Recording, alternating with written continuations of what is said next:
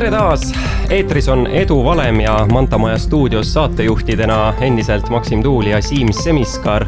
Edu Valem räägib ikka edukaks saamisest, mis on viinud tavalised inimesed oma ala tippu, mida nõuab edukaks saamine ehk mis on edu valem. Siim, täna on kolmas saade mis sul esimesest kahest meelde on jäänud, et esimeses käis meil miljonärist ettevõtja Lauri Paeveer ja teises majandusajakirjanik, ekspert Harri Tuul põhiline, mis minul äh, silma hakkas nendest äh, salvestustest, oli see, kuidas meie vastas istunud inimestel silmad särasid, kui nad oma, oma teemadest rääkisid ja ja ma juba näen, et selles saates saab meil olema täpselt samasugune vestlus. aga tuletame siis kõigile ka meelde, et äh, saadet saab kuulata ikka portaalis rahajutud.ee ja oleme kuulatavad ka kõikides suurtemates podcast'i äppides, iTunesis Spotify's ja nii edasi, aga läheme nüüd tänase saate juurde ja mul on ääretult suur rõõm tervitada meie külalist ja mitte ainult sellepärast, et meil on stuudios esmakordselt naisterahvas, vaid ka seetõttu, et äh, töötab äh, minule südamelähedases äh, valdkonnas ja pealegi on päris palju kirjutanud ja sõna võtnud juhtimise teemal, seega täna kindlasti palju juhtimisest räägime. tere tulemast stuudiosse, Eesti Telekomi teenuste valdkonna juht ja äh, ütleks veel, et eh, saate ajujaht, mentor, žürii liige Mailis Plooman. tere ja kõigepealt aitäh kutsumast no ütle, kas kogu mu sissejuhatus üldse vastas tõele ja mida sa veel lisaksid, et eh, millega tänasel päeval tegeled? no ma kuulasin sind selle sissejuhatuse osas, ma arvan, et äh, noh, e-, ega see nüüd ei ole haruldane, et tere tulemast esimese naisena mingisugustesse kingadesse, eks. Äh, kuigi mul on õudselt hea meel, et seda, seda ma kuulen viimasel ajal aina vähem, et äh, et see nagu nii väga enam ei ole teema, ma arvan, et kõigele muule, mis sa siin ette lugesid, võib täiesti alla kirjutada küll, jah ja ma arvan, et säravad silmad on ka täiesti olemas aga mina märgin kohe selle ära, et eelmises kahes saates meil nii pikka sissejuhatust küll ei olnud, et Max, mulle tundub, et sa oled natuke ise ka nagu ärevuses. jaa, suur äh, elevus on sees ja ma tegelikult juba väga tahaks hakata rääkima juhtimisest, kuna see teema nagu mind väga paelub ja ja ma olen lugenud erinevaid äh, sinu kirjutatud artikleid, aga siiski hoiaks kinni ka mingist sellisest saate ülesehituseks, ühe, ülesehitusest ja alustame siis ikkagi algusest, ehk siis äh, lõpetasid keskkooli, mis siis tegema hakkasid, kuidas ütleme siis äh, lõpuks välja jõudsid äh, telekomi teenuste valdkonna juhiks mm? -hmm. no see on nagu ainus küsimus, mida ma eeldasin või ootasin täna, eks, nii et kui ma autoga siia sõitsin, siis ma natukene nagu mõtlesin selle peale ja vot noh, vot nüüd tuleb öelda, et ega, ega ta läheb natuke selliseks klišeelikuks, et äh, lõpetasin keskkooli, ega tegelikult mul polnud õrna aimugi, mida ma teha tahan. et äh, ma päris kindlasti ei kuulu sinna kategooriasse, kes ütleks, et vot pärast muipoodi, et põhikoolist teadsin või keskkoolist teadsin, et äh, mida ma teha tahan või või noh, üldse kuskile sinna, et ma peaks nagu väga ütlema, et et keskkool või ülikool mind kusagile poole ülemäära suunas. et no juhused nagu ikka noh, et ma lõpetasin keskkooli ära, ma pean ütlema, et ma olin nagu täiesti noh, kuidas ma ütlen siis, tüdinenud ähm, sellisest, sellest maailmast, kus justkui nagu on olemas õiged ja valed vastused ja, ja kus justkui sa oled nagu tubli siis, kui sa aimad ära selle, mida keegi minevikus on õigeks vastuseks pidanud, eks. ja mul oli sellest üsna kõrini, nii et äh, üks minu jaoks väga selline reaalne variant oleks olnud minna üldse pedasse ja koreograafiat õppima, sellepärast et äh, tol ajal ma tegelesin väga palju äh, tantsimisega no tagantjärgi nüüd õnneks nii ei läinud. ma isegi ei mäleta, mis see, mis see päris põhjus oli, aga, aga no nagu ikka, läksin äh, tolleaegse klassiajaga lihtsalt läksin Tehnikaülikooli kaasa, sellepärast et tema läks pabereid sisse või no päriselt noh, pabereid sisse viima selleks, et ma isegi ei mäleta, tema läks kas avalikku haldust või mingisugune selline avaliku sektoriga seotud äh, valdkond oli. Noh, lugesin seal temaga koos järjekorras oodates siis seda nagu kirjeldust, mõtlesin, ah, see päris minu teema ei ole, seal kõrval oli reaalselt lett, kus siis oli majandusteaduskonna siis noh, võimalus kandideerida, eks ju noh, kuna mul olid nagu kõik eeldused justkui nagu olid olemas või need linnukesed, eks ju, mida sinna sisseastumiseks oli vaja, olid olemas, siis noh, andsin enda paberid sinna ja ja ühtegi paremat mõtet ei tulnud ka ja siis noh, niimoodi ta läks, et, et ei olnud mingisugust nagu kirge või tahtmist või et vot-vot, ma lähen seda nagu õppima. ehk siis ma sattusin Tehnikaülikooli ja, ja tol ajal oli selle nimi vist ärikorraldus kui ma õigesti mäletan nüüd selle õppesuuna. käisid siis selle õppe nii-öelda lõpuni? Äh, jaa, ma tegin selle lõpuni. Äh, ma küll, noh, ütleme ausalt, et äh, vist teisel kursusel juba, siis ühesõnaga ma täpselt ei mäleta, aga see oli see hetk, kus öeldi, et nüüd on vaja praktikale minna. ja mul oli nagu põhimõtteliselt vastumeelne mõte sellest, et ma lähen tasuta tööle kellegi juurde, siis ma tegelikult läksin tööle ja siis seal tööl kirjutasin iseenda praktikaaruande ühel hetkel. Olin iseendale justkui juhendaja, kirjutasin valmis selle praktikaaruande, andsin oma juhile, ütlesin, kuule kirjuta alla, nüüd on niisugune lugu, eks ju, et noh, ma olin siin praktikal. Äh, ja siis jaa, ei ma lõpetasin isegi täiesti nominaalajaga selle, tol ajal siis veel neli aastat äh, ülikooli ära, aga noh, ütleme nii, et äh, mida see mulle andis tol hetkel, ma arvan, et esimene kursus oli väga kasulik. äh,, väga palju selliseid üldiseid sotsiaalteaduste, noh, selliseid sissejuhatavaid põhimõtteid, politoloogia, sotsioloogia, muud sellised asjad no sealt edasi läks ikka väga ajalootunniks juba, ega sealt edasi ma nagu väga siukse nagu sooja tundega tagasi ei vaata, aga jaa, lõpetasin ära ja, ja noh, ütleme nii, et ei kahetse seda juhust selle koha pealt. aga kui tohib küsida, siis kus see praktika ikkagi oli, mis asutuses? jaa, sellega oli niimoodi, et et äh, ma võtsin ette, ma arvan, et tol ajal vist juba oli CV Keskus või CV Online või mis iganes, eks ju. ja, ja võtsin ette sõna otseses mõttes kõik töökuulutused, mis olid mulle siis logistiliselt nagu enam-vähem mõistlikus asukohas. no ta pidi olema nii, et noh, kuna ma äh, õppisin, eks ju, päevases õppes, siis äh, no ma pidin aeg-ajalt, Koplis oli tol ajal majandusteaduskond äh, mm., tipi majandusteaduskond oli Koplis ja ta pidi olema mulle enam-vähem selliselt logistiliselt loogilises kohas, sattus Kristiines ja see esimene koht oli üks väike Eesti ettevõte, mis tol ajal võib-olla nende nimi on nüüd muutunud, aga andsime LL Reklaam, kui ma läksin turundusassistendiks, see oli nagu noh, tore nimi ja ma mõtlesin, et majandusteaduskond ja turundus ja need asjad vist võiks nagu kokku käia. no praktikas ma olin ikka väga büroo assistent lihtsalt alguses, ma olin nagu lihtsalt see noh, ütleme sekretäri või vastuvõtusekretäri seal nagu ei olnud, aga ma olin noh, ütleme nii, et tänapäeval kutsuks nagu büroo assistendiks nagu selle turundusega muud kui äh, aeg-ajalt kellegi ülikooli lõputöö mingi osa kirjutamine või, või mingisuguste selliste asjade tegemine ka mul väga nagu kokku kokkupuudet selle koha pealt ei olnud. aga kui ülikool läbi sai, et siis järgmised sammud tööle?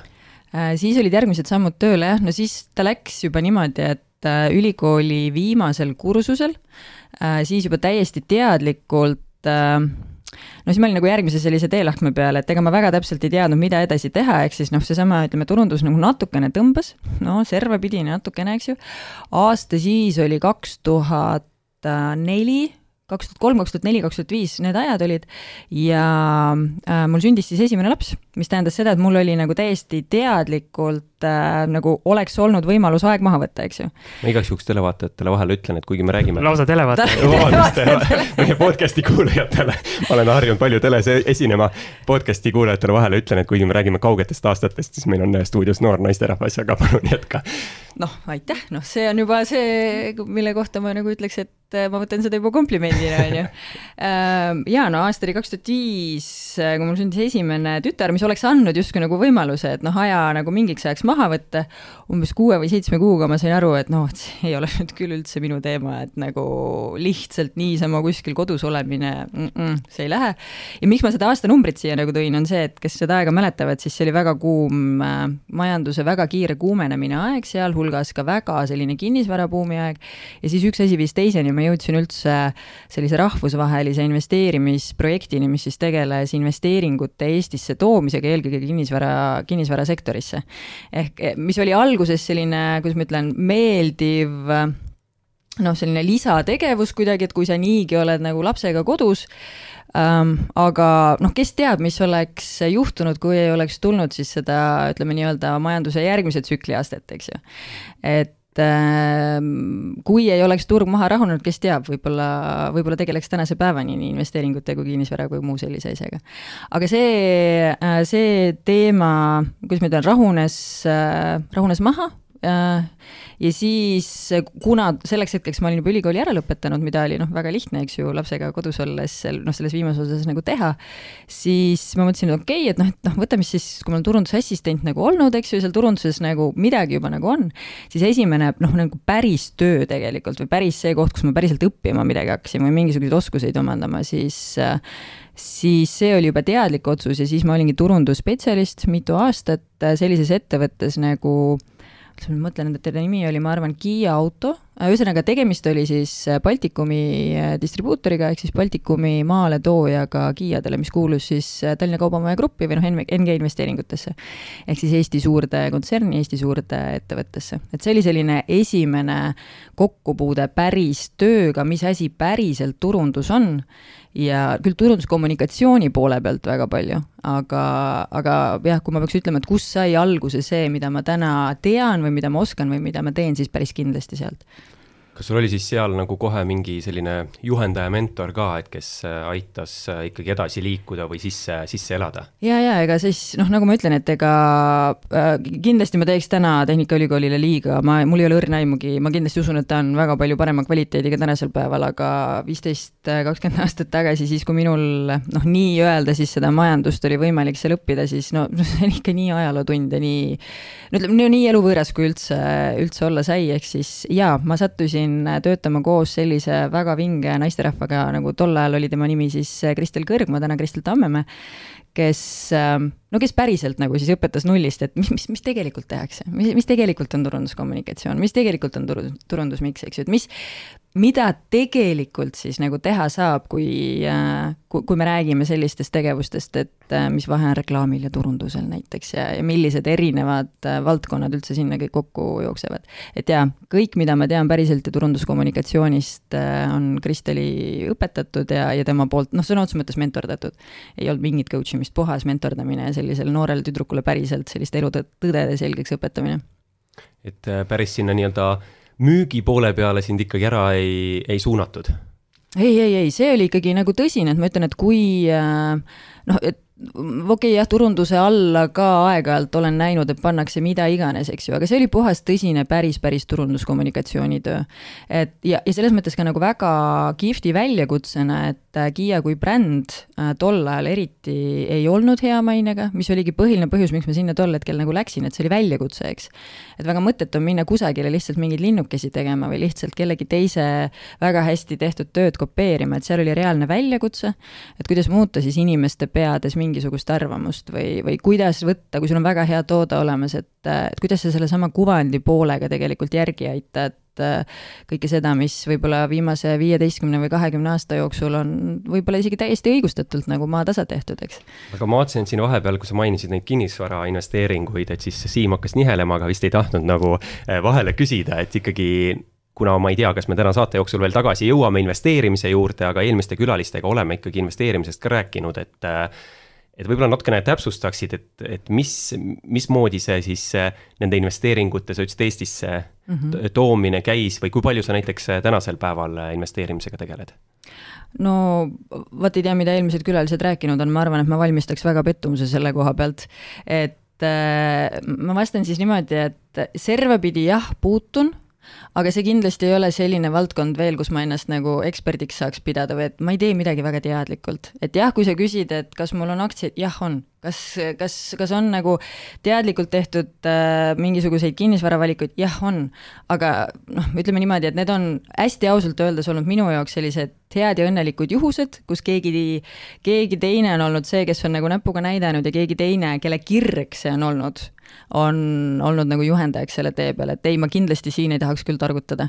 või kellelegi öelda, et tehke nii, nii on tark teha, ma ei ole kindlasti veel seal, aga ma arvan, ma jõuan sinna, sest et see valdkond on hakanud nagu minu enda jaoks ka sellise noh, kuidas ma ütlen äh, huvitavamana tunduma või noh, nagu kutsub kuskil nagu mingi valgus nagu paistab ja, ja meelitab, et tee endale selgeks midagi seal valdkonnas ka veel rohkem no tihti öeldaksegi, et äh, põhiline, et hakka pihta, et siis nagu tuleb see huvi ja teadmised või Siim, on nii vist? no see tundub olema jah, et ütleme nii, et eh, nii-öelda edukad inimesed, kes siis eh, peaks meie saatesse siin järjest sattuma, et eh, neil ju tegelikult kõik teadmised ja oskused on olemas. võib-olla nad ei pruugi seda ise nagu veel teadvustada, aga kõige tähtsam on see pealehakkamine ja sealt enamus häid asju saab just sellest alguse jaa, ei, ma olen täiesti nõus sellega.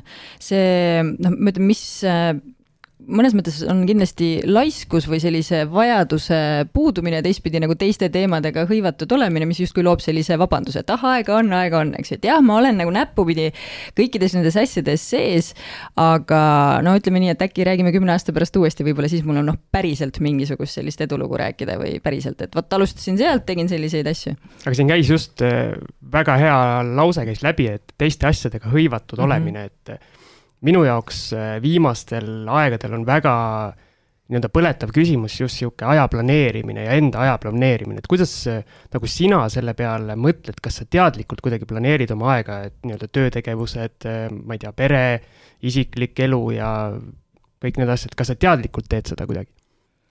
no ma vastan siia jah, et teadlikult, kui sa nüüd, kui su järgmine küsimus on nüüd et selli... kas tuleb välja? jah, no okei okay,, nüüd ma vastan teistmoodi. Ähm, ütleme nii, et minu jaoks isegi see läheb ühe sammu võrra tagasi ja ta läheb sinna, et aga mis su eesmärk on? ma arvan, planeerimine iseenesest ei ole eesmärk, planeerimine on vahend. mis su eesmärk on? minu eesmärk on äh, jah, mul on peas nendes enam-vähem kõikides valdkondades, mida sa nimetasid, midagi, kuhumaani ma tahan välja jõuda, midagi, mida ma tahan ära teha.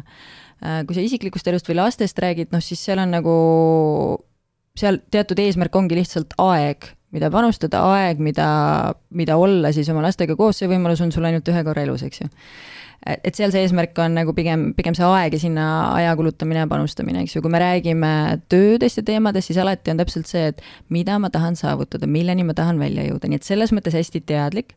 kui sa küsid, äh, kas tuleb välja, jah, see tähendab teadlikult mingisuguste asjade tegemata jätmist ma nimetaks seda ohverdamiseks, see on teadlikult millegi mittetegemine.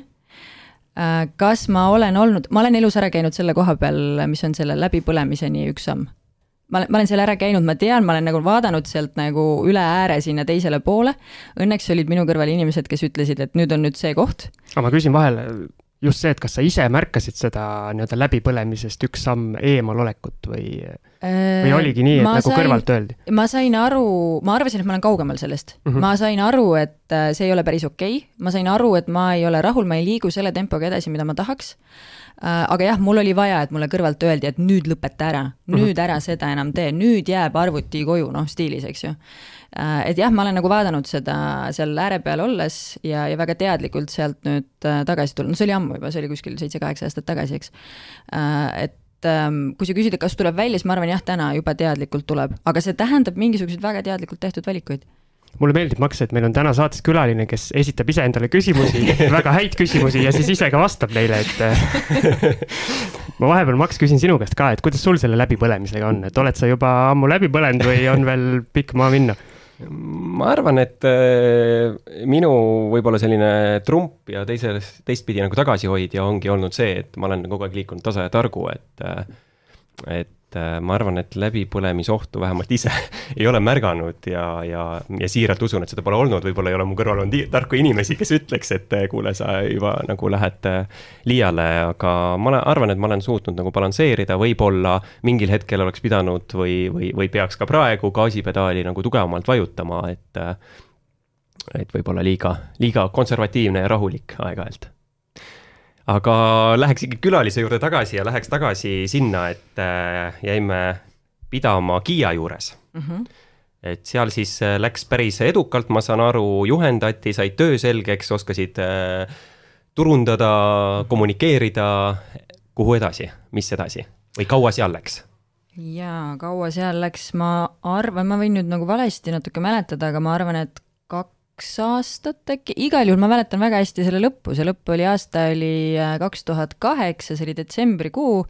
nüüd, kes mäletavad, mis toimus aasta kaks tuhat kaheksa ja detsembrikuu, siis ühesõnaga see lõpp tuli niimoodi, et päevapealt Äh, pandi kinni kõik turundusosakonnad üle Baltikumi. ja see ei olnud tol hetkel nagu midagi väga eripärast, see oli äh, mõnevõrra normaalne, et selles mõttes ei olnud nagu kuidagi ka šokk ja kui ma ka tagasi mõtlen, siis ise ettevõtjana, no võib-olla mitte nagu päevapealt ja kõik turundusinimesed nagu ära koondada, aga nagu selliseid raskeid otsuseid teha ka ise ettevõtjana ilmselt äh, noh, oleks pidanud tegema igal juhul. et ähm, selles mõttes see lõppes päevapealt ja üldse mitte nagu halva tundega, et selles mõttes noh, mitte positiivselt, aga mul tekkis jälle teist korda siis elus selline võimalus, et äh, aga mis nüüd saab?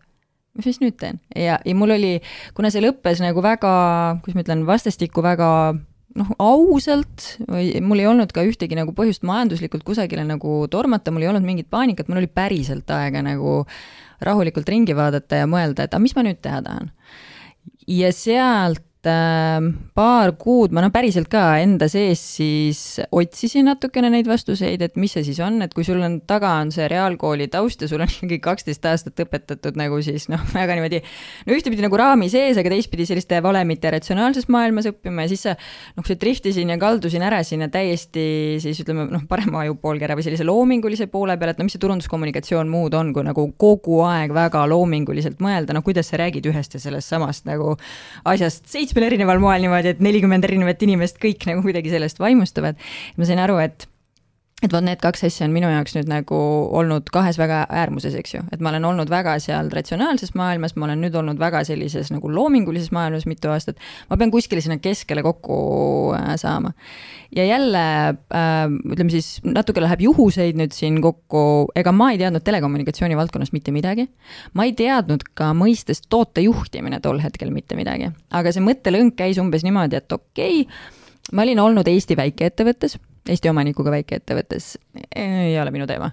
olin olnud Eesti väga suures ettevõttes, noh, ütleme nii, et okei okay,, aga noh, kogu aeg oli sees nagu selline tunne, et nagu noh, midagi tegelikult ju saab paremini teha või et tegelikult ju nagu noh, see ei ole ju vastus, et nagu ikkagi asju saab, asju on võimalik nagu paremini teha ja kuna mul kogemust tol hetkel nagu ei olnud, siis ma mõtlesin, et okei okay,, järgmine ettevõte, kuhu ma nagu enda aega müüma siis lähen, eks ju, äh, see peab olema rahvusvaheline ettevõte ja, ja tol hetkel ega mul ei olnudki väga suurt vahet, et kas, kas jääda Eestisse või minna kusagile mujale, aga juhus jälle taaskord ja, ja see juhus äh, tähendas siis seda, et Elisa äh, otsis mingisuguse, või isegi ei mäleta, mis tootejuhi, aga mingisuguse tootejuhi lapsehoolduspuhkusel oleva töötaja asendust. ma ütlesin, et jube lahe et mul ei ole nagu mitte, mõlemal poolel on nagu võimalik tõesti mingi aasta-kaks, no kaua ikka selle lapsega kodus ollakse, eks ju. aasta-kaks minul on võimalik õppida, ma saan nagu täiesti puhta südametunnistusega sealt ära minna, sellepärast mul ei olnud mingit plaani sinna jäädagi kauemaks kui võib-olla aasta-poolteist. saada see kogemus ja siis liikuda kusagile edasi, sest noh, päriselt noh, telekommunikatsioon, see ei tundunud nagu mingi seksikas teema. ma ütleks siia vahele ühe rahvatarkuse, ühe õnn on teise õnn üks sai lapse, teine töö. ma korra läheks äh, sammukene tagasi su jutus, mhm. et äh, kui sa seal Kiias töötasid ja see kuulus masu tuli ja ma saan ja. aru, et koondati kõik sellepärast, et lihtsalt inimestel ei olnud soovi tol hetkel autosid osta. ei, isegi see autode mitteostmine tuli natukene hiljem, see koondamise laine, ma räägin, et see oli nüüd kaks tuhat kaheksa, mitte kaks tuhat üheksa, vaid see tuli konkreetselt käibevahendite puudusest isegi mm, -hmm. nagu reaalselt tõmmati kokku kõiki neid kohti, mis siis nagu noh, ma ei tea, OPEX-i ridu põhimõtteliselt. ja, ja palgakulu oli nagu esimene ja see on, noh, ma, ma saan nagu täiesti aru, et see inimeste nagu autode mitteostmine, kogu see liisingu jama, see tuli kaks tuhat üheksa, see tuli natukene lainega hiljem järgi.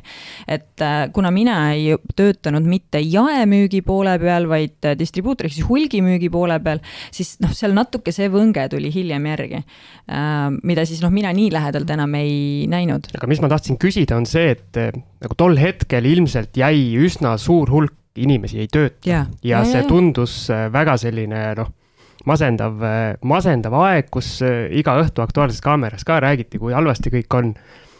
kas sinul ei tekkinud sellist nii-öelda musta hetke või momenti, et näed, et ma nüüd sain tööst lahti, mingit nagu perspektiivi ei tundu olevat, et keegi võib-olla ei tahagi mind tööle või kas ei tekkinud sellist hetke? okei okay,, vaata, aga ma ei ole niipidi kunagi mõelnud, et äh, ma ei ole mitte kunagi mõelnud, et mina pean kellelegi väga tõestama midagi, ma, noh, ma olen alati teadnud seda, et kui ma midagi teen, ma teen seda nagu väga-väga hästi. ja, ja mina olen see, kes valin, kus kohas ma olen, et äh, jah, ma mõt-, ütlen niipidi, et äh, ma arvan, et äh, ka sealsamas Kiias ja selles samas turunduskommunikatsioonis veel aasta-kaks mul oleks olnud anda küll, endale õppida hästi palju ja siis anda, sest et ma läksin sealt ära või see lugu lõppes hästi palju selles faasis, kus pigem mina olin see, kes õppis ja kogu aeg nagu katsetas, proovis ja õppis, katsetas, proovis ja õppis. ehk ma ei olnud veel selles faasis, et noh, nüüd ma hakkan vastu andma või et nüüd ma olen tõesti nagu tootlik, eks, et see, see faas oleks alles tulnud, et ma arvan, et mul oleks olnud seal teha veel küll, aga kui sa küsid, et kas see tolle hetke selline üldine majandussituatsioon või üldine kuidagi nagu masendas, pigem ei, sellepärast et ma arvan, et väga palju raskem oleks olnud vaimselt et olla koondatud siis, kui noh, ei oleks seda üldist tausta olnud, aga see oli nagu noh, seda juhtus igal pool ümberringi, mu enda, ma ei tea, tuttavate pereliikmete seas, see oli nagu justkui nagu selline noh, nii oli, see oli nagu, selles ei olnud mitte midagi nagu eripärast, eks ju, sellepärast see tegi ilmselt ka vaimselt selle palju kergemaks. ma kujutan ette, et muidu see võib olla inimesele üsna suur läbi, läbielamine. ükskõik kui tugeva inimesega on tegemist, siis noh, ikkagi seal on sees, et nüüd mind enam ei ole vaja ja, ja kõik muu taoline, mis sinna juurde käib. mul, mul ei olnud sellist asja Uh, küll aga millest ma väga hästi sain aru, on täpselt see, et nüüd midagi on muutumas, et majanduses nüüd midagi peab muutuma, et nii nagu me eilseni kõik nagu tööd tegime ja nii nagu me eile panustasime, et see, need paradigmad enam ei kehti aga see pigem oli äge, et ma, ma ütlen, et ega ma ei teadnud, mis kõik on peidus selle nagu telekommunikatsiooni või üldse info, infotehnoloogia ukse taga, ma olin väga nagu tehnoloogiakauge inimene nagu sellel hetkel. aga, aga see tunne oli tol hetkel juba küll, et okei okay,, nüüd midagi läheb nüüd teistmoodi.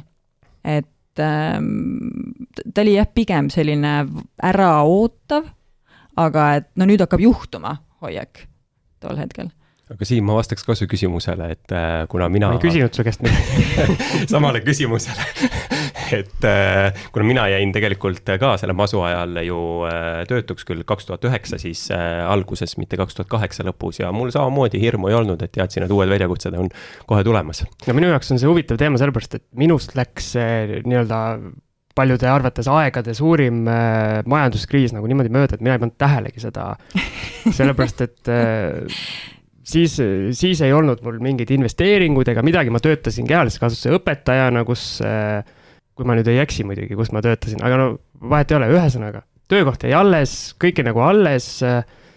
ja seepärast mind tagantjärele huvitavad need, kuidas nagu nendel inimestel läks või mida nad mõtlesid, kes reaalselt nagu äh, nii-öelda midagi juhtus neil, sest äh, oma tutvusringkonnast ma tean hästi paljusid, kel nii-öelda, keda tabaski see must masendus, et äh, koondati või mm., või mis iganes moodi nad siis töölt lahti said ja siis tekkiski see, et mida ma nüüd teen, sest noh, olukord ei olnud kõige parem, aga ma saan aru, et sina nägid just vastupidi selles raskes olukorras seda nii-öelda võimalust, et saidki nii-öelda uue selle karjääri. eks seal võib-olla on ka see nüanss, et ma arvan, nii Mailis kui ka ütleme mina, et tol hetkel äh, olime suhteliselt noored ja selles mm -hmm. mõttes enesekindlad, et muutusteks valmis, et vanematel võib-olla raskem. no üks asi on vanematel raskel, aga teine asi, no kui teil podcast'i nimi on Edu valem, on ju, et äh, ma jõudsin nagu autoga siia sõites natuke selle peale ka mõelda ja ma arvan, et ega selles valemis nüüd väga suur nagu konstant või komponent on seesama valmisolek muutuda, õppida ja muutuda, et et äh, niipea, kui sa jõuad nagu vaimselt sellisesse kohta, et nüüd ma olen kohal või nüüd ma olen valmis, vaata, see on ohtlik. ja, ja siis ilmselt lööb küll nagu jalad alt ära, kui äh, kui, kui juhtub midagi sellist, et vau wow,, see asi, millega ma nüüd harjunud olen, et et äh, seda nüüd enam ei ole või seda enam ei ole vaja ja kui sa ei ole valmis õppima ja muutuma, et ma arvan, et siis ongi raske, aga selleks, nojah, võib-olla see kaks tuhat kaheksa aasta, kaks tuhat üheksa aasta majanduskriis oli lihtsalt niivõrd kuidagi steroididel tõi selle nagu tervele ühiskonnale. aga väiksemaid laineid erinevates valdkondades, analoogseid, ma arvan, käib päris palju aga mul on veel üks küsimus, enne kui me lähme nüüd selle Elisa ajastu juurde, et sa mainisid siin, et äh, pärast seda siis äh, Kiiast koondamist mm, -hmm. et mhm. siis sa mõtlesid, et mida sa tahad teha. ja minu küsimus nagu olekski, et mis küsimusi sa ikkagi täpsemalt endale esitasid, et me siin natukene hiljem saates räägime juhtimisest, kus äh, sa oled siin äh, välja toonud, et milliseid küsimusi peaks äh, mis iganes arenguvestlustes ja nii edasi küsima, aga milliseid küsimusi sa küsisid endalt sel hetkel, kui sa tahtsid teada, et mida sa tahad teha? no see on üks küsimus ise, et mida tahan teha, aga noh, inimene ei oska kohe sellele vastata. jaa, nõus, ei oskagi. ma noh, olen seda väga palju öelnud ka, et ma väga vihkan seda küsimust, kui keegi küsib, et aga kelleks sa saada tahad, eks ju, või mida sa teha tahad. Ähm, need küsimused pigem, mida mina ja mitte ainult siis, ma küsin seda väga tihti enda käest, äh, noh, täna või no üldse elus ka on pigem see, et mis on see, mida sa tahad mõjutada? mis on see, mis peaks paremaks minema? et ta läheb natuke kaugemale, eks et ma veel kord ütlen, et ma olen täiesti veendunud, ükskõik mida ma teen, ma teen seda väga-väga hästi. ja selles Aga..., selles kohas ma kutsun esile mingisuguse muudatuse, see on paratamatu, eks ju, mis omakorda tähendas minu jaoks, et see pidi olema mulle eetiliselt vastuvõetav valdkond, kuhu ma lähen. kas paremaks ja muutus toimub sinu elus või ühiskonnas? Äh, ma arvan, nad peavad koos käima et see ei ole selline kuidagi altruistlik või et äh, ma nagu selles faasis ei ole äh,. aga nad peavad käima koos, et vot see, see mulle ka ei sobi, et äh,, et ma teeksin midagi lihtsalt ma ei tea, mingi kas enda majandusliku kasu või enda mingisuguse kasu nimel, ma ei, vot selles ma nagu ka ei tunne ennast hästi, et see, siia ei tasu mingit väga suurt moraali nüüd taha mõelda. aga ta pigem läheb sinna kategooriasse, et kui ma kusagile enda energia annan, siis sellest peab sündima midagi, midagi peab minema paremaks Maks, ennem kui ma sind pausile või meid siis pausile lasen, mind ikkagi huvitab see, sa juba teist korda ütlesid, et äh, selle lause, et kui sa midagi teed, siis sa tead, et sa teed seda väga-väga hästi. kust tuleb äh, selline enesekindlus või selline, selline teadmine, et äh, vaata, et ma olengi nii hea, et mul on pakkuda, mida teistel ei ole noh, ma ei tea, kust tuleb see, et taevas on sinine ja vesi on märg, no ma ei tea no vot, vot võib-olla sinu jaoks tundub see nagu loomulik, eks sa oled niimoodi kogu aeg mõelnud ja nii-öelda elanud, aga ma arvan, et me võime julgelt öelda, et suur enamus inimesi on vastupidi. Nad eh, kogu aeg otsivad sellist enesekindlust ja pigem mõtlevad teistpidi, et aa, et ma ei ole selle asja jaoks piisavalt hea või ma ei oska seda piisavalt hästi ja. okei okay,, no ma ei tea, äkki mul on sattunud siis kuidagi õiged inimesed eh, tee peale kusagile ma, ma seda küll nagu võin öelda, et äh,, et no re religioon on minu jaoks nagu väga võõras teema, aga, aga ma usun nagu mingisugusesse sellisesse, ma ei tea, mõned nimetavad, ma ei tea, saatusesse või paralleelsetesse dimensioonidesse või kusagile, eks ju. et ma seda küll olen tundnud, et aeg-ajalt mulle satub täiesti juhuslikult tee peale mõni inimene, kes midagi teeb, midagi ütleb, kuhugi mind lükkab, mingisuguse risttee peal lihtsalt ütleb, et nii, sinna paremale, sellepärast et või ütleb mingisuguse lause, mis jääb kuskile kukla taha nagu noh, niisuguseks väärtuste kompassiks nagu. et noh, kui ma ei tea, et mitte liiga nagu klišeelikult sulle vastata, siis ma pigem ütleks, et mul on õigetel hetkedel sattunud tee peale need inimesed, keda, kes minu jaoks on olnud inspireerivad ja kes minu jaoks on kuidagi olnud isegi autoriteedid, kes on vaadanud mulle silma ja öelnud, et äh, tee ära. Et noh, mis sind tagasi hoiab, tee ära.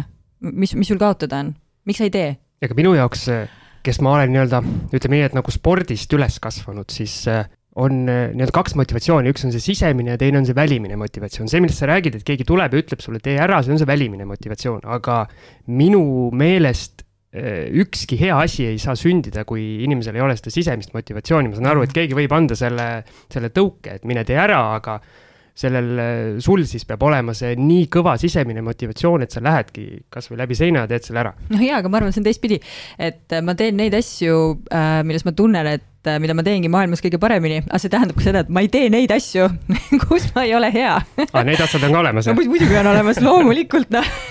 ma ei tee neid lihtsalt ja sealt tuleb, noh. aga enne, kui jätkame vestlust sel teemal, mida Mailis teeb hästi, teeme lühikese pausi ja jätkame vestlust siin Manta majas ja meil on Mailis Plooman stuudios, Elisa telekomi teenuste valdkonna juht ja räägi nüüd veel lühidalt paari lausega lihtsalt, et mis ameteid sa oled Elisas pidanud ja tänasel päeval siis milliseid protsesse hetkel juhid ja, ja palju sul näiteks üldse alluvaid on? no see juba ise on selline tunniajane vestlus. okei okay,, võtame nagu puhtametite mõttes, ma nagu me enne rääkisime, siis läksin sellisele ametikohale nagu tootejuht, millest ma noh, tol hetkel mitte midagi ei teadnud. ja, ja tootejuht ka täna ei ole see, kes ta, kes ta tol ajal oli, et see amet ise on nagu väga palju muutunud äh? Vot nüüd aastatega võin nagu mööda panna, ma arvan, kolme-nelja aasta pärast äh, hakkasin juhtima tervet siis toote juhtimiseks tooteturunduse osakonda. Ja siis sealt omakorda pärast seda, kui Elisa liitus Starmaniga, kus äh, noh, valdkondi tekkis juurde, siis, äh, siis sellest hetkest äh, muutusin ka valdkonna mõttes siis telekomiteenuste valdkonna juhiks. et äh, no ühtepidi öeldes siis see sisuline muutus päris nagu tippspetsialistist äh, ehk siis tootejuhist juhiks toimus ikkagi oi, tänaseks päevaks juba kuus aastat tagasi, kuus-seitse aastat tagasi, midagi sinnakanti. et see tooteturunduse juhi ametinimetusest telekomiteenuste valdkonna juhiks, ütleme, et seal sisuliselt nii palju ei muutunud, pigem lihtsalt erinevaid nagu teenuseid, erinevaid valdkondi tuli juurde nüüd see, mis valdkonnad käivad telekomiteenuste valdkonna alla, see, see on väga selline pikk ja keeruline jutt. ma ütlen teistpidi, ma ütlen hästi lihtsalt, nii nagu ma tavaliselt nagu noh, nii-öelda nagu oma vanaemale selgitaks, eks ju.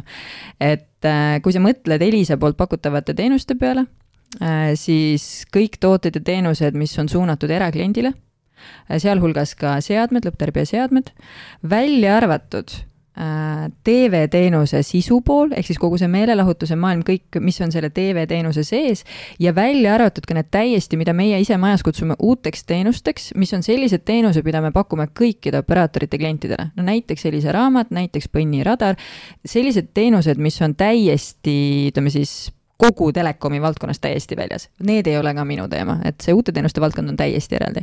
aga ülejäänu kõik millega noh, vähegi võib kokku puutuda, kõik on äh, minu erinevate tiimide teema. inimesi kokku, otse minu alluvuses on üheksa kokku, täna juba ma ei tea, nelikümmend viis äkki või? noh, mis on niisugune nagu ütleme, tuhandest töötajast nagu noh, juba täitsa selline adekvaatne, eks ju. enne veel, kui lähme nüüd selle juhtimisega edasi, et küsiks, et kuidas või miks toimus see nii-öelda juhiks saamine, et et mm -hmm. kas märgati, et sa teed head tööd, kas sellepärast, et sa olid oma ala hea spetsialist juba või sellepärast, et sa näitasid üles mingeid äh, juhtimis äh, omadusi või sellepärast, et lihtsalt üks koht vabanes ja paneme Oi, sinna mailisi. ma, ma, kus, jaa, kusjuures ma arvan, et mõnes mõttes kõik need asjad omavahel koos omavahel koos sellepärast, et äh, ei ole kunagi varjanud ka seda, et mina ei ole kunagi tahtnud inimeste juht olla. minu sees ei ole kunagi olnud seda tahtmist, et vot ma tahan inimesi juhtida, see põhjus on väga praktiline. see on üks väga messi business, inimesi juhtida, inimesed ei ole ratsionaalsed olevused, nad on ikkagi ääretult emotsionaalsed ja see päris, ütle, päris ausalt mind ei ole kunagi tõmmanud, et äh, et teiste inimeste seest nüüd kuidagi midagi välja tuua, eks ju. et siin on jälle taas paar head kokkulangevust olnud ja, ja üks nendest, noh, kindlasti pidi olema see, et noh, tõesti, ma olingi väga hea tootejuht, ma siiamaani, kui mul keegi küsib, mis on maailma kõige ägedam töö, mida teha, siis ma ütlen, et jumala pärast, tele, eriti telekomi valdkonnas, aga üldse tootejuhtimine.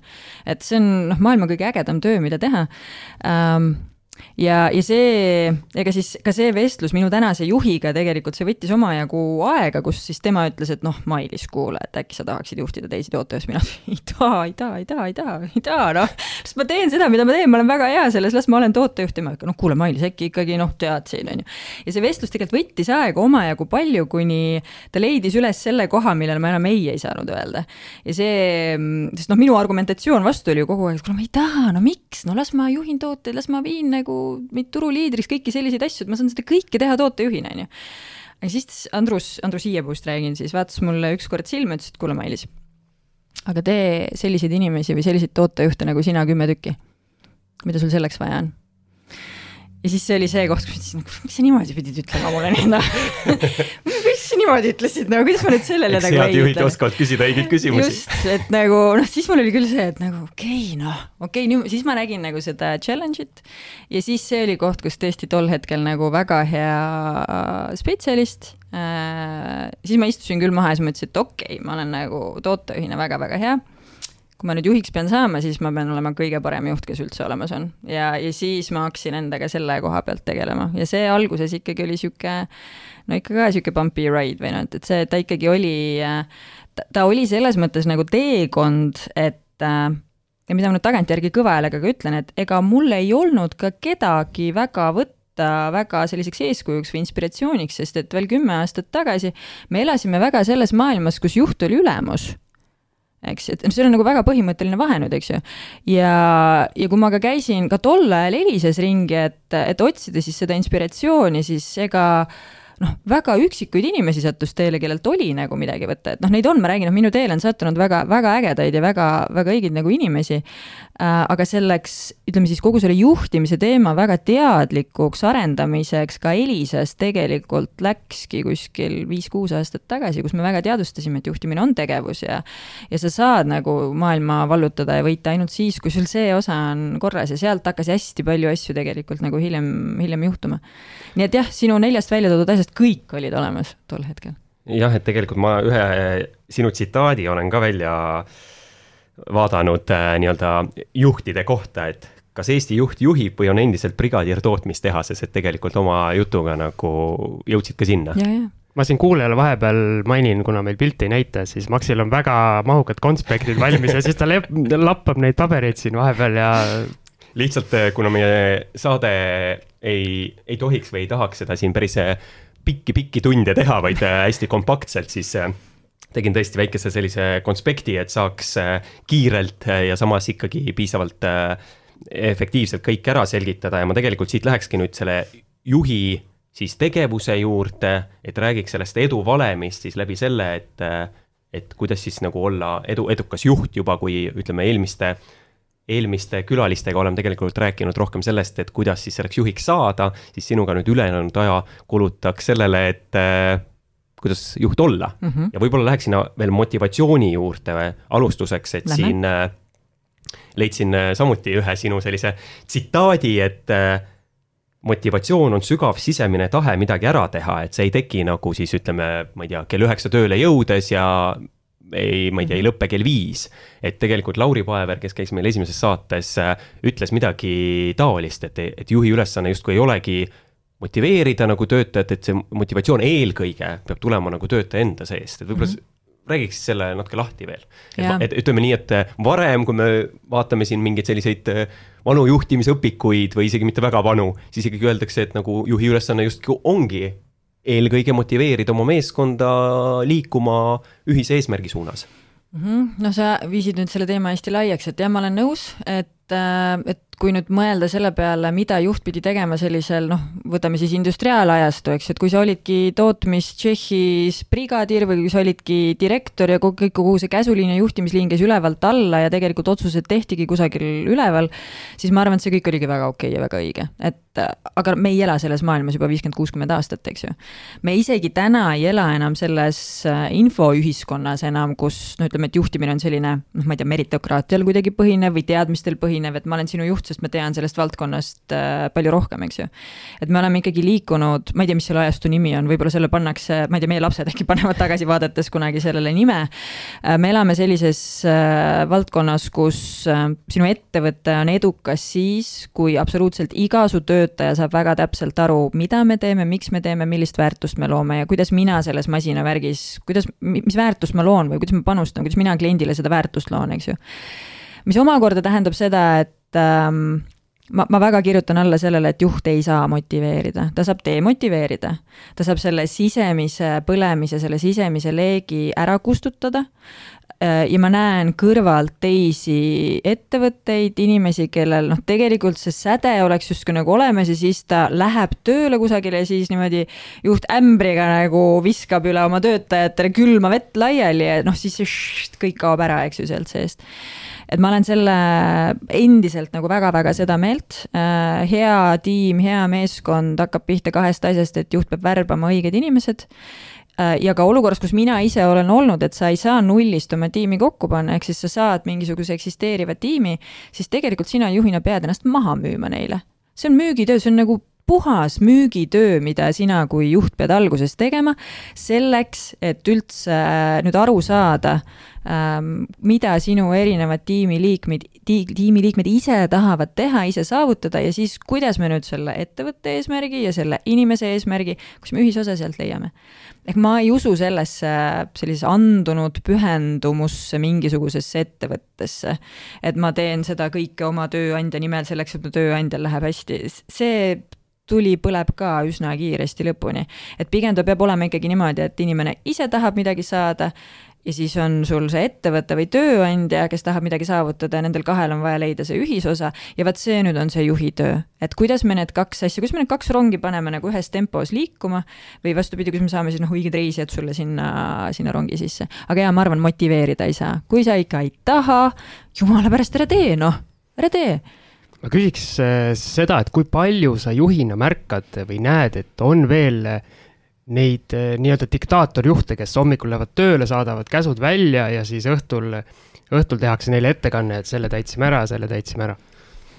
kindlasti on ähm,. Nad tavaliselt on need, kelle ametinime sees on sõna direktor. Nii et noh, nagu kui keegi seda kuulab ja nagu selle endale leiab, siis võiks äkki kaaluda selle ära muuta. aga ma arvan, see, mida sa kirjeldasid, see pole veel kõige hullem variant, kõige hullem on see, kui keegi arvab, et ta on juht, aga tegelikkuses noh, te toote oma seda spordiparalleeli, ma olen küll üsna spordikauge, aga minu peas on ta siis nüüd äh, see sporditreener, kes seisab finišis stopperiga ja karjub oma inimeste peale, et miks te kiiremini ei jookse, jookse kiir-, mida sa teed, ära tee nii, jookse kiiremini, eks ju. ja ta teeb seda finišis ja stopperiga. ja noh, mida sa enam karjud, noh mis see nagu, mis su, mis see sinu panus nüüd sellesse kõigesse oli, eks ju. või äh, noh, korvpallist äh, ilmselt on teil siin varem juttu olnud, et noh, seisab platsi kõrval ja karjub, et ära viska mööda. no thanks noh no, mida sa teed, ära viska mööda, no et noh, tuua, vot seda ma näen küll päriselus nagu üsna palju. et äh, ja mul on sellest nagu, sellist asja nagu kurb vaadata, aga, aga see läheb just täpselt sinna, et ma arvan, päris mitu asja on tegemata jäänud, et ühtepidi nendel samadel juhtidel ei ole juhti Äh, mis on üsna traagika, ma arvan, väga paljudes äh, ettevõtetes, et justkui nagu juhiks saadakse ilma mõistmata, et see nüüd on komplekt tegevusi, et see on justkui positsioon, mitte komplekt tegevusi, eks ju. või siis täiesti tippjuhtide tasandil ei julgeta tunnistada, et ka mina kui tippjuht tegelikult vajan abi, eks ju, et, et coaching minu jaoks ei ole nagu mingisugune peen moetermin, vaid see on nagu väga sisuline tegevus ja ma arvan, et nagu kui sa tunned, et sa oled seal tipus ja sa oled nagu üksinda, otsi hea coach endale, mitte nagu life coach, vaid nagu juhtimiscoach ja ma arvan, et see aitab sul avada nagu väga paljusid nagu peidus olevaid potentsiaaliallikaid, mis sinu sees kusagil peidus on. et kui siin see jutt läks korvpalli peale, siis meil Maxiga kohe oli sihuke äratundmisrõõm, et äh, ma siis äh, ütlen, ütlen siia sihukese asja vahele, et äh, paljud head korvpallitreenerid on öelnud, et kõik see nii-öelda nagu treening ja see õppimine tuleb teha enne mängu, et mängus sa enam midagi ei muuda. et ma saan aru, et nii-öelda inimeste juhtimises on täpselt, täpselt sama asi, et sama. ennem kui need inimesed tööle hakkavad või tööd, tööd teevad, et kõik see tuleb nagu taustal nagu ennem ära teha loomulikult. ma saan aru, et juhil on siis üks, üks asi tööriistakastis, on see inimeste valimine, eks? jaa, kindlasti, sul peavad olema tiimis õiged inimesed ja see tähendab ka väga palju sellist inimestevahelise keemia tunnetamist, et äh, on väga palju inimesi, kes lihtsalt ei sobi kokku oma juhiga. juht ei ole halb ja see inimene ei ole halb, aga nad omavahel ei sobi kokku. no mis iganes põhjusel seda usaldust ei teki, see on okei okay.. ehk siis ka lahku minemine peaks olema tegelikult hästi loomulik juhi, äh, juhi töövahend. et kui sa ikkagi tunned, et noh, teil ei teki seda klappi ja teil, teil ei teki seda sünergiat omavahel, siis tuleb lahku minna, et see, see ei ole nagu, see ei ole nagu negatiivne alati ja see loob mõlemale poolele nagu võimalusi, aga jaa, õiged inimesed peavad olema, kes tahavad praegu just seda tööd teha, mis, äh, mis nende töölaua peal on. ma tooks siia ühe tsitaadi jälle sisse, see ei ole küll Mailisi öeldud, vaid äh, John Maxwelli ühe minu lemmiku sellise juhtimisraamatu Viis juhtimise taset autori, et äh, sa ei saa juhtida inimest, kes sulle ei meeldi. kas sa nõustud sellega mm,? meeldima, vot see on juba sihuke subjektiivne, meeldi mis mõttes? mina arvan seda, las ma nüüd mõtlen selle peale natukene. ei, ma arvan, mulle ei pea otseselt meeldima ähm, issand, kui keeruline küsimus. ei, ma arvan, ei pea meeldima. selles mõttes, et äh, ma arvan, et hea juht ja ma mõtlen nüüd natukene selles kontekstis, et ma olen elus olnud hästi palju ka maatriksjuht, et mitte siis nagu inimeste otsene juht, vaid maatriksjuht ähm,. ei pea meeldima, professionaalselt sa pead usaldama, usaldus peab olema, ma arvan, et see on hästi palju olulisem. inimesena võib-olla ei, ei vot ei kirjuta alla segane mõttelõng, ma saan aru, aga ei, ma jõudsin sinna, et ei, ma päris sellele alla ei kirjuta. usaldama peab. aga ma arvan, et siit on hea minna meie välkküsimuste vooru juurde ja vaatame, mis sulle siis meeldib. okei, nii ja jätkame meie traditsioonilise välkküsimuste vooruga, ehk siis Mailis, küsime nüüd äh, sinu käest kordamööda küsimusi ja sa pead vastama võimalikult kiiresti, võiks öelda kohe, aga proovi vähemalt äh, kolme sekundi jooksul. vähem, vähem ikka. no ütleme siis ühe sekundi jooksul ja õigeid ja valeid vastuseid ei ole. just tahtsin öelda, et on üks õige vastus ja teine on vale aga hakkamegi hooga pihta ja väga sinu nii-öelda ametiga seotud kohe esimene küsimus tuleb. televiisor või raadio? televiisor. kas Lõuna-Korea või Põhja-Korea? Lõuna-Korea. korvpall või jalgpall? ei kumbki. kas komöödia või tragöödia? komöödia. ööklubi või raamatukogu? ei kumbki Ott Lepland või Ed Sheeran? Ott Lepland. jõulud või jaanipäev? jaanipäev, vist jaanipäev, jah. Ferrari või Rolls-Royce? Ferrari. rannamaja või Aktuaalne kaamera? aktuaalne kaamera Saaremaa või Hiiumaa? aa, Saaremaa.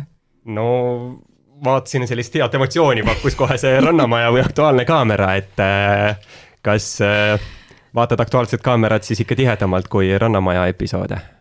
Noh, nii tobe öelda meelelahutusettevõttest tulnud, ma ei ole näinud Rannamaja, küll aga kuna kolleegid äh, TV-tiimist nagu väga elavalt aeg-ajalt mingisuguseid äh, emotsioone läbi elavad, siis nagu servapidi kuulnud olen jah äh,. aktuaalne kaamera hea, sest et äh, ERR-il on hea komme panna oma selliseid äh, klippe endal noh, järelvaatamisse, noh, väga lihtsalt, eks ju, ERR-i äpp töötab väga hästi, et äh, laivis väga vähe, aga, aga tagantjärgi küll, jah. Maks, aga räägi siis sina, mis juhtus viimases Rannamaja episoodis?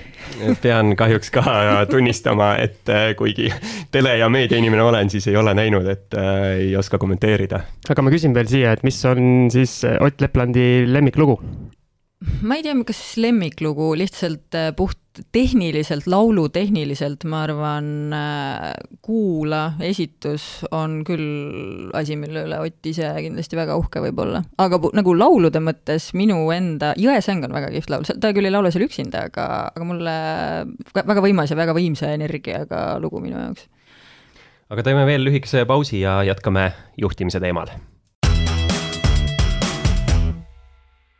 ja endiselt on Manta Maja stuudios meil Mailis Plooman ja ma läheks nüüd äh, endiselt selle inimeste juhtimisega edasi ja ühes artiklis oled ka kirjutanud, et äh, selleks, et juhtida tõeliselt tulemuslikku meeskonda, võiks juhi töövahendite hulka kuuluda nagu kolm erinevat tüüpi vestlusi mm. -hmm. oli seal välja toodud siis üks-ühele vestlus, äh, selline regulaarne operatiivsetel teemadel, tulemusvestlus, arenguvestlus mm. -hmm et mina pean tunnistama, et äh, kuigi olen nüüd tööturul olnud juba peaaegu ka kakskümmend aastat, natukene vähem, siis minuga ei ole kunagi peetud ühtegi vestlust, ma loodan, et ma nüüd ühelegi oma endisele või praegusele ülemusele liiga ei tee, et äh, kas Elisas tõesti need äh, toimuvad ja, ja miks sa arvad, et nii on, et mõnedes või ma ütleks, julgeks öelda, väga paljudes kohtades neid ei ole? Jaa, ei, sinu vastus ei üllata mind, äh, sellepärast et äh, nagu ma ka väga julgelt võin öelda, siis väga suur osa inimesi, kelle justkui ametijuhend või noh, nagu temalt eeldatakse, et ta tegeleb juhtimisega, nad ei tee seda sisuliselt. et noh, juhil ei ole aega ja noh, millal ma veel jõuan oma inimestega rääkida ja nagu kõik muud sellised, et sinu vastus ei, absoluutselt ei üllata mind. kui me räägime Elisast, siis jah, toimuvad küll päriselt toimuvad. Äh, minu enda puhul, miks mina sellest ka nagu nii äh, noh, süvitsi võin rääkida, mul ei ole teist valikut. Äh, minu, nagu ma ütlesin, et inimesi otse minu alluvuses on üheksa.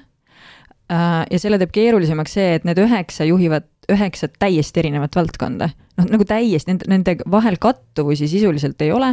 me vastutame kaheksakümne protsendi ettevõtte käibe eest, me räägime rohkem kui sajast miljonist äh, eurost aastas, et see ei ole väike vastutus, eks ju äh, samas minul, nagu ka kõikidel teistel, on ööpäevas kakskümmend neli tundi, millest ma arvan, et ei ole mõistlik rohkem kui kuus-seitse, vahel noh, vahel kaheksa-üheksa tundi päevas kulutada tööteemadele äh, ja, ja ma ei oleks elu sees võimeline oma tööd tegema, kui minu inimesed iseseisvalt neid äh, enda tiime ei juhiks, eks. aga mida sa ütleksid sellele juhile, kes ütleb, et tal ei ole aega nendeks vestlusteks? no siis ma küsiks tema käest, aga mis on sinul, sinu töös veel tähtsam kui see, et sinu inimesed ei teeks oma tööd maksimaalselt hästi?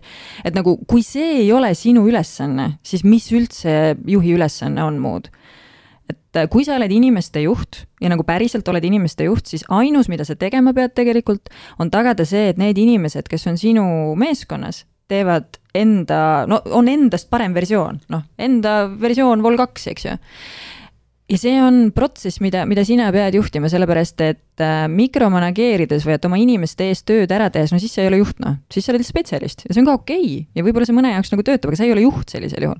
et kui me räägime juhtimisest, siis ma arvan, et see inimeste seest nende parema versiooni väljatoomine, et see on ääretult oluline mina mäletan küll, et mul on kõvasti olnud arenguvestlusi, aga see oli kunagi kooli ajal, kui öeldi, et Siim, tule direktori kabinetti see on üks teine asi.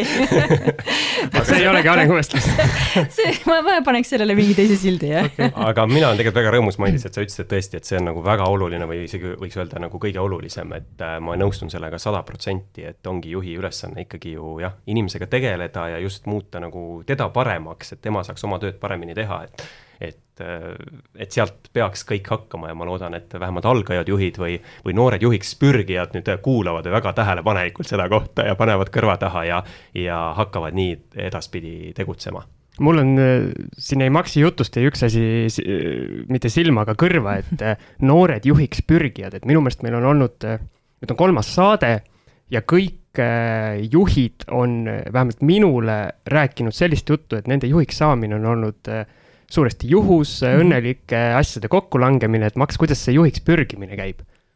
no selles mõttes, et mina arvan, et äh, see on ikkagi enese nii-öelda arendamine, et sa pidevalt äh, üritad paremaks saada, areneda, äh, oma nõrkusi vähendada, tugevusi parandada ja selles mõttes võib-olla lõpp, see hetk, kui sa saad juhiks siis ma arvan, nii nagu Mailis siin rääkis ja tegelikult Lauri mainis samat asja, et see on selles mõttes võib-olla õnnejuhus, et vabaneb positsioon, aga sa pead olema samal ajal vaimselt äh, oma teadmistelt, oskustelt valmis selleks, et seda positsiooni täita, nii et see selles mõttes on õnn ja mõnes mõttes on selline Äh, asjade loomulik kulg ja areng sinna suunas. no vaata, see on nagu kahtepidi, ma natuke segan siia vahele, et ei pea vabanema positsioon, et nüüd me mõtleme jälle nagu sellises väga arhailises äh, nagu skeemis, kus nagu on justkui mingid positsioonid ja mingi organisatsiooni struktuur, mis on paigas ja siis sa pead ootama, et keegi ära sureb, on ju.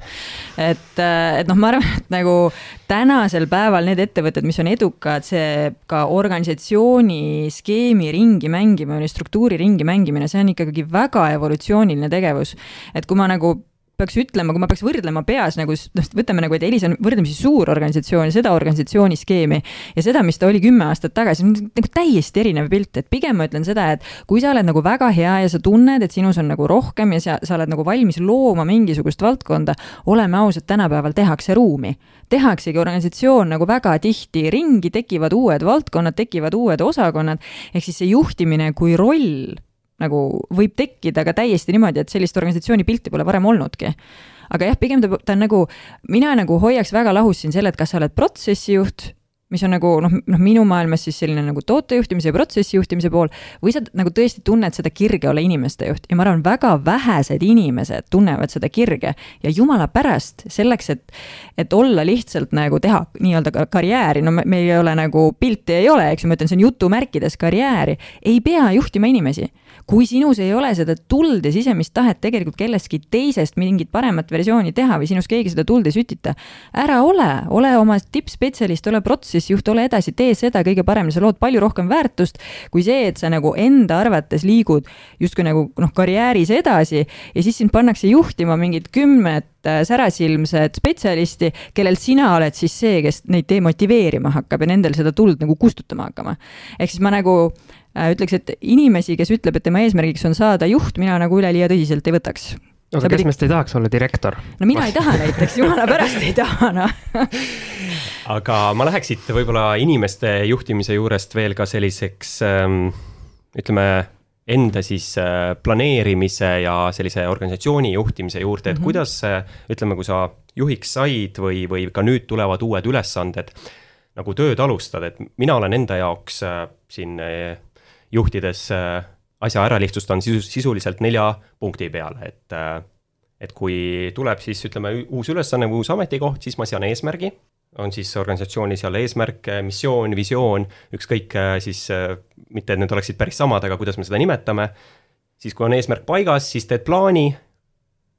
paned paika strateegia selles mõttes, kuidas sinna jõuda, siis moodustad meeskonna, et kellega seda ellu viia ja lõpuks on sul vaja siis mõõtmisi ja tagasisidet. Et äh, kas sa oled selle kontseptsiooniga nagu põhimõtteliselt nõus või, või kuidas sa seda täiendaksid, loomulikult siia väikesed nüansid tulevad sisse, et äh, mis iganes seal, turuanalüüs, sisemised analüüsid ja nii edasi. Nonii, ütleme nii, et paberi peal ma olen sellega nõus, kõik asjad, mida sa ütlesid, kõik on väga õiged, nüüd minu praktiline elu äh, ja siia vist tuleb nüüd see telekommunikatsioonimaastik nagu mängu, tähendab seda, et see on väga ilus illusioon, aga reaalsuses sul auto sõidab ikkagi saja kümnega ja sa pead tal ära vahetama rattad, mootori ja siis nagu tegelikult välja mõtlema, et kuhu sa nagu sõidad, eks ju. et, äh, et sellist lineaarset lähenemist, isegi kui ideaalis nagu õigeks pidada, siis ma ütlen ausalt, ma ei ole saanud vist kunagi praktiseerida ega katsetada. et äh, et see tempo, millega see valdkond liigub, nii palju muutuvaid osi on kogu aeg sinu ümber, et noh, päris nii ei saa. aga selles mõttes ma olen ääretult nõus, et niisama rapsida ei ole mõtet need asjad, kõik, mida sa mainisid, ma arvan, et nad ei käi nagu noh, siis waterfall meetodil või nad ei käi nagu üksteise järel, nad pigem on nagu kõik korraga, noh, kujutame siis pigem ette, et see on nagu apelsinidega žongleerimine, eks ju, et sul on kogu aeg need neli apelsini on nagu õhus, absoluutselt kogu aeg, sul üks nendest on korraga käes ja siis sa vahetad neid omavahel, eks ju, aga nad peavad kogu aeg olema selles ringluses. ehk jah, ma arvan, et see mm, eesmärgistamine ja tagantjärgi mõõtmine on ääretult oluline, ma arvan, et õiged inimesed inimesed peavad olema paadis ja neid inimesi, see peab olema nagu kogu aeg siis noh, nagu me enne rääkisime, vastastikku, nad mõlemad tunnevad, et endiselt nagu paat on õige, kus olla ja tahan olla selles paadis ja see paat liigub õiges suunas. Ähm, ja, ja see, jah, see mõõdikute pool, see on küll selline, mida ma nagu rõhutaks, et äh, sa ei saa öelda, et sa oled eduka, edukas, kui sa ei oska öelda, mille järgi sa otsustad seda kuidas sa aru saad, et sa kohale oled jõudnud, mis su edu kriteeriumid on, eks ju? ja mis iganes projekti puhul, et ma arvan, et see mõõtmine, ükskõik, see, vahel see mõõdik võib väga esoteeriline tunduda, aga see peaks olemas olema. mõõdikute juurde ma tulen veel tagasi täna, aga vahele küsiks selle, et enne mainisid ise ka, et eh, ega kui võtad üle mingi koha, siis meeskond ju tihtipeale ka tuleb kaasa ja. ja sa ei saa päris kõiki seal nii-öelda välja vahetada ja. ja alati ei peagi, jah. et eh, kuidas selle olukorraga toime tulla või kuidas oled lahendanud neid olukordi, kui võib-olla ikkagi meeskonnas on keegi, kes noh, päris ei peaks seal olema? ja neid olukordi on ka olnud. Äh, ja taaskord see ei pruugi üldse olla ühe või teise poole süü, eks ju, et tegemist ei pruugi halva inimesega sellepärast olla, lihtsalt äh, su eesmärgid või su, su nägemus on nagu muutunud, eks ju. Äh, jah, korra enne puudutasime ka, et ma arvan, et see on selline kahepoolne tee, juht peab ennast maha müüma peab oma, peab omama nagu mingit nägemust, mingit visiooni ja see tuleb maha müüa. ja teistpidi, vot nüüd tulevad needsamad üks-ühele vestlused mängu, eks ju. et äh, sina juhina pead äh, tegema kõik selleks, et äh, see teine pool, sinu uus tiimiliige nii palju sind usaldaks, et ta sulle ühel hetkel räägib ära, mida tema tegelikult teha tahab, kuidas ta seda teha tahab.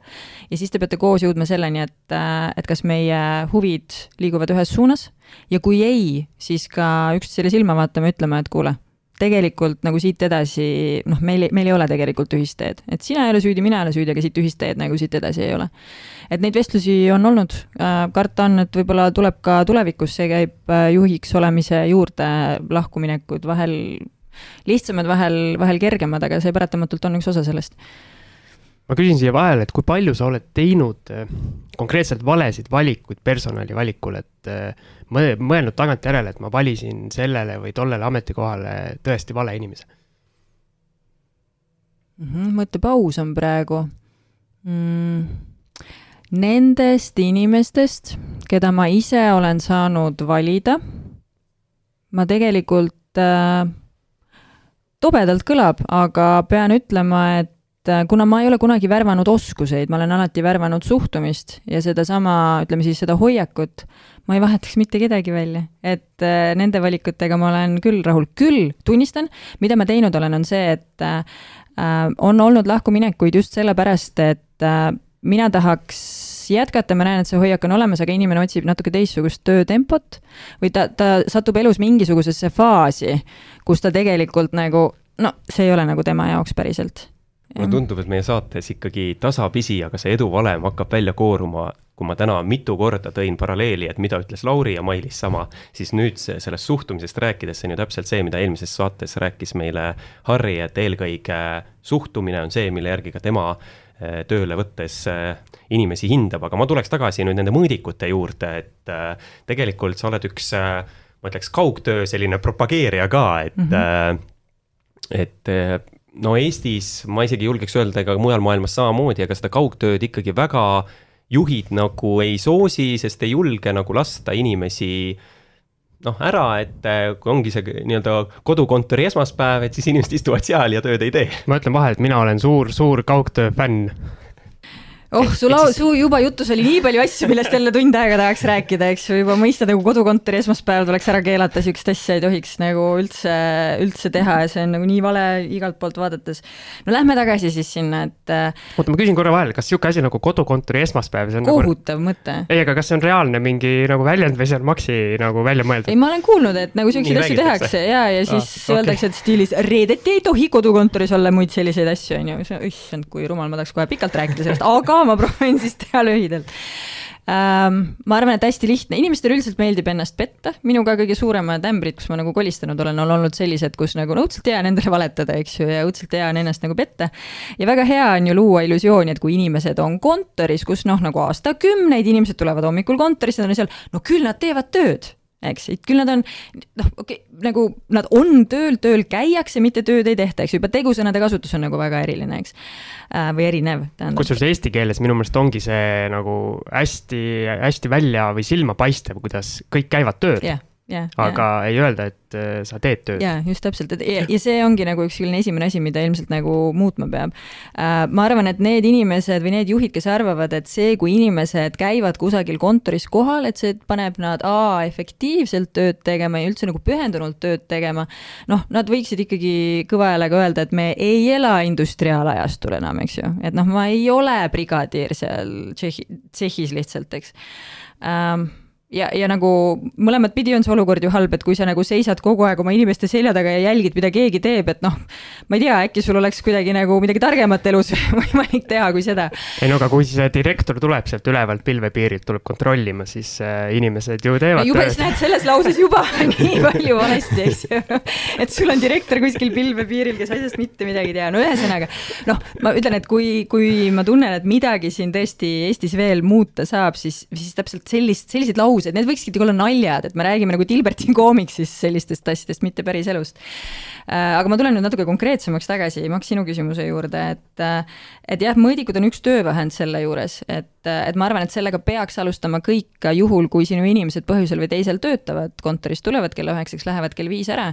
et ma arvan, et vastasel juhul väga palju sa valetad endale, et kes, kes on efektiivne, kes ei ole. ja mõõdik ei ole mitte selleks, et aru saada, kas keegi teeb, teeb tööd või mitte, ta on pigem aru saamaks, et mis roll minul selle suurema eesmärgi täitmisel on, et ma olen see üks sammas ratas väga suur masinavärgis, millist panust mina annan ja ka aitab mõõta seda, et aga kuidas inimest siis arendada, et noh, kas ta, kas ta teeb homme midagi paremini, kui ta tegi eile, et noh, mida me siis selleks tegema peame, et oleks võimalik. ja mõõdikud on ka, aga minu kogemuse järgi tegelikult ainus viis tagada, et inimeste äh, see on nüüd see balance scorecard'i loogika natukene, et inimesed, et sa ei tekita oma valdkonnas või ettevõttes olukorda, kus sul on luik, hauge, vähk, eks ju. et kõik väga pingutavad, kõik väga panustavad, aga nihe on null lõpuks, sellepärast et et me tegelikult töötame üksteisele vastu. ja selline nagu mõõdikute loogika, mõõdikute süsteem, kui see on paigas, siis seda tegelikult on vaja samamoodi, kui su inimesed töötavad kontoris sama palju kui siis, kui nad kontoris ei tööta. ja nüüd tekibki see olukord, et kui sul tegelikult on teadmine, et su inimesed teevad õiget asja, sul on nagu viis, kuidas seda äh, nendega koos jälgida, läbi rääkida, mis siis vahet on, kus nad on? noh, see, see motivatsiooni tekib postiindeksist, ma ei saa aru, kustkohast selline nagu arvamus üldse on nagu tulnud, eks ju, et mind ei ole elu sees ükski postiindeks nagu vähem või rohkem nagu suutnud nagu särama panna, eks. ja, ja loomulikult ma saan aru nendest, kes ütlevad, et on äh, on hirmutav mõte, et ma ei tea, kus mu inimesed on, aga siis tavaliselt järgmine küsimus, mida ma küsin, on see, et kuule, aga nagu kas samavõrra hirmutav ei ole, et äh, sul istub nagu kakskümmend või nelikümmend inimest kontoris ja, ja lihtsalt noh, istuvad seal, on ju. et nagu kas see ei ole nagu hirmutav mõte või et nagu noh, see on ju võrdselt hirmutav, sõltumata sellest, kus kohas geograafiliselt keegi on. et loomulikult äh, see, kui su inimesed ei ole füüsiliselt kohal, on väga palju ausam. väga palju ausam pilt tekib sellest, et kes tegelikult tahab midagi teha, kes ei taha teha. ja ma ei ole ka see, kes ütleb, et inimesed ei tohiks kontoris omavahel kokku saada, vastupidi, ma arvan, et seda, see tasakaal on ol, noh, kohutavalt oluline. et äh, mina ei räägi näiteks töö ja eraelu tasakaalust, ma räägin integreerimisest.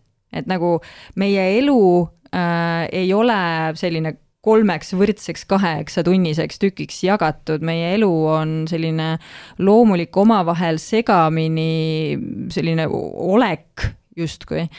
Ja seda selleks, et olla õnnelik oma elus ja ma arvan, et hästi oluline on see, et inimesed oleksid õnnelikud just nagu selle kõige-kõige emotsionaalsemas tähenduses, sest siis nad on efektiivsed, siis nad on produktiivsed. vot selle jaoks peab oma elu elama siis, kui seda elu on vaja elada ja, ja, ja mitte sõltuvalt sellest, milline on kuskil sätestatud arvamus, et üheksast kella viieni tehakse midagi oi, ma tunnen, et siin on ikkagi teemasid veel, mida kõike tahaks äh, lahata ja rääkida, aga mingi hetk me peame saate kokku tõmbama. mul on veel äh, kaks küsimust, äh, aga need oleksid sellised lõpuküsimused, kui meie kuulajatel on veel küsimusi ja tahaksid midagi Mailiselt teada, siis kindlasti võib meile kas kommentaari jätta siis selle podcast'i alla, kus te kuulate rahajutud.ee või lausa saata emaili info et rahajutud.ee ja kindlasti siis küsime Mailiselt järgi, kui neid küsimusi on vähe või võib-olla peame siis tegema teise saate veel, et äh, kõik küsimused ära küsida, aga ma tuleks siis äh, põhimõtteliselt oma traditsiooniliste lõpuküsimuste juurde, et äh,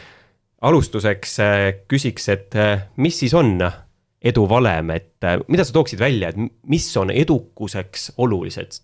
paneks äkki sellised, ma ei tea, kas kolm või viis punkti, sõltuvalt kui lühidalt sa suudad vastata mm. -hmm. ma no ei oska vastata, lühidalt ka ei oska vastata, aga ma arvan, minu enda jaoks need komponendid on umbes nii ja see on, miks ma seda oskan nagu öelda, on see, et, et mul on, noh, tütar on selline teismeline, kellega me oleme arutanud neid asju ja ma olen öelnud umbes niimoodi, et sa pead olema kogu aeg olukorras, kus äh, sa saad teha valikuid. ehk siis sa pead nagu mängima kõik oma kaardid nii, et sul on kogu aeg võimalus valida, et sind ei mängita nurka, et sa ei satu olukorda, kus sa pead tegema midagi, mida sa teha ei taha, sest sul pole muud valikut.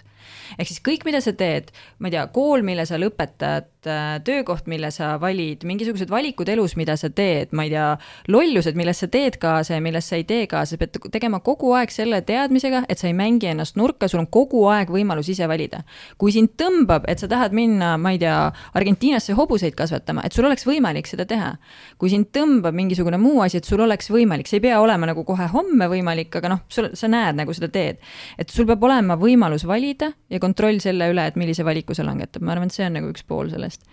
ja teine pool, mis ma arvan, et on hästi oluline, on see, et äh, ma ei tea, on see siis see sisemine rahu või on see selline, no ma ei tea, mõned nimetavad õnnelikkuseks, mõned nimetavad selliseks sisemiseks rahuks, et sa pead tundma ennast hästi, et sa ei pea, sa ei tohi, sul ei tohi tekkida nagu seda tunnet, et äh, ma teen midagi, mida ma eetiliselt ei pea õigeks või et ma, et, et moraalselt see ei ole nagu minu jaoks nagu päris okei okay., et sa pead ikkagi nagu, see sisemine rahu peab, äh, peab sinu sees nagu sellel tasandil olemas olema. ja ma arvan, et siis see edukus on justkui nagu resultaat. kusjuures see õnnefaktor on nüüd ka meil kolm saadet äh, on olnud või kohe purgis ja kõigis kolmes saates on see minu meelest väga hästi nagu välja tulnud. aga lõpuküsimus. miks sa pead ennast edukaks? Ütleme siis taaskord kohe ära, et meie peame sind edukaks, sest äh, sellepärast sa meil saates äh, oledki, aga miks sa ise ennast edukaks pead? no ma võtan sellesama enda viimase mõttega kinni, et, äh, et minu kontrolli all on see, mida ma homme teen ja, ja mul on neid valikuid ja ma arvan, et ma olen astunud samme, mis annavad mulle täpselt selle võimaluse, et kui mind homme peaks noh, kusagile mujale midagi tõmbama hakkama, siis ma ei näe põhjust, miks ma sinna nagu minna ei saa.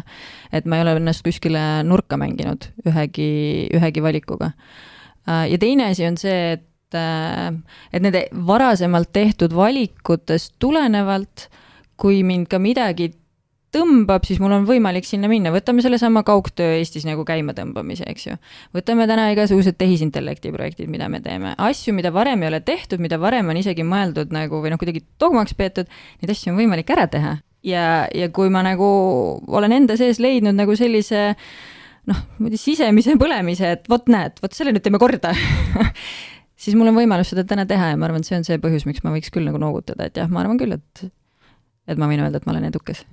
aga sellega ongi hea lõpetada, aitäh, Mailis, meile saatesse tulemast! aitäh väga kihvti saate eest! Aga kuulajatele olgu siis veel kord öeldud, et järgmine saade kahe nädala pärast ja saate meid endiselt kuulata portaalis rahajutud.ee, iTunesis, Spotify's ja kõikides teistes suuremates podcast'i äppides. ja viimast sõna ma Maxile ei jäta, ütlen omalt poolt samuti, et kuulmiseni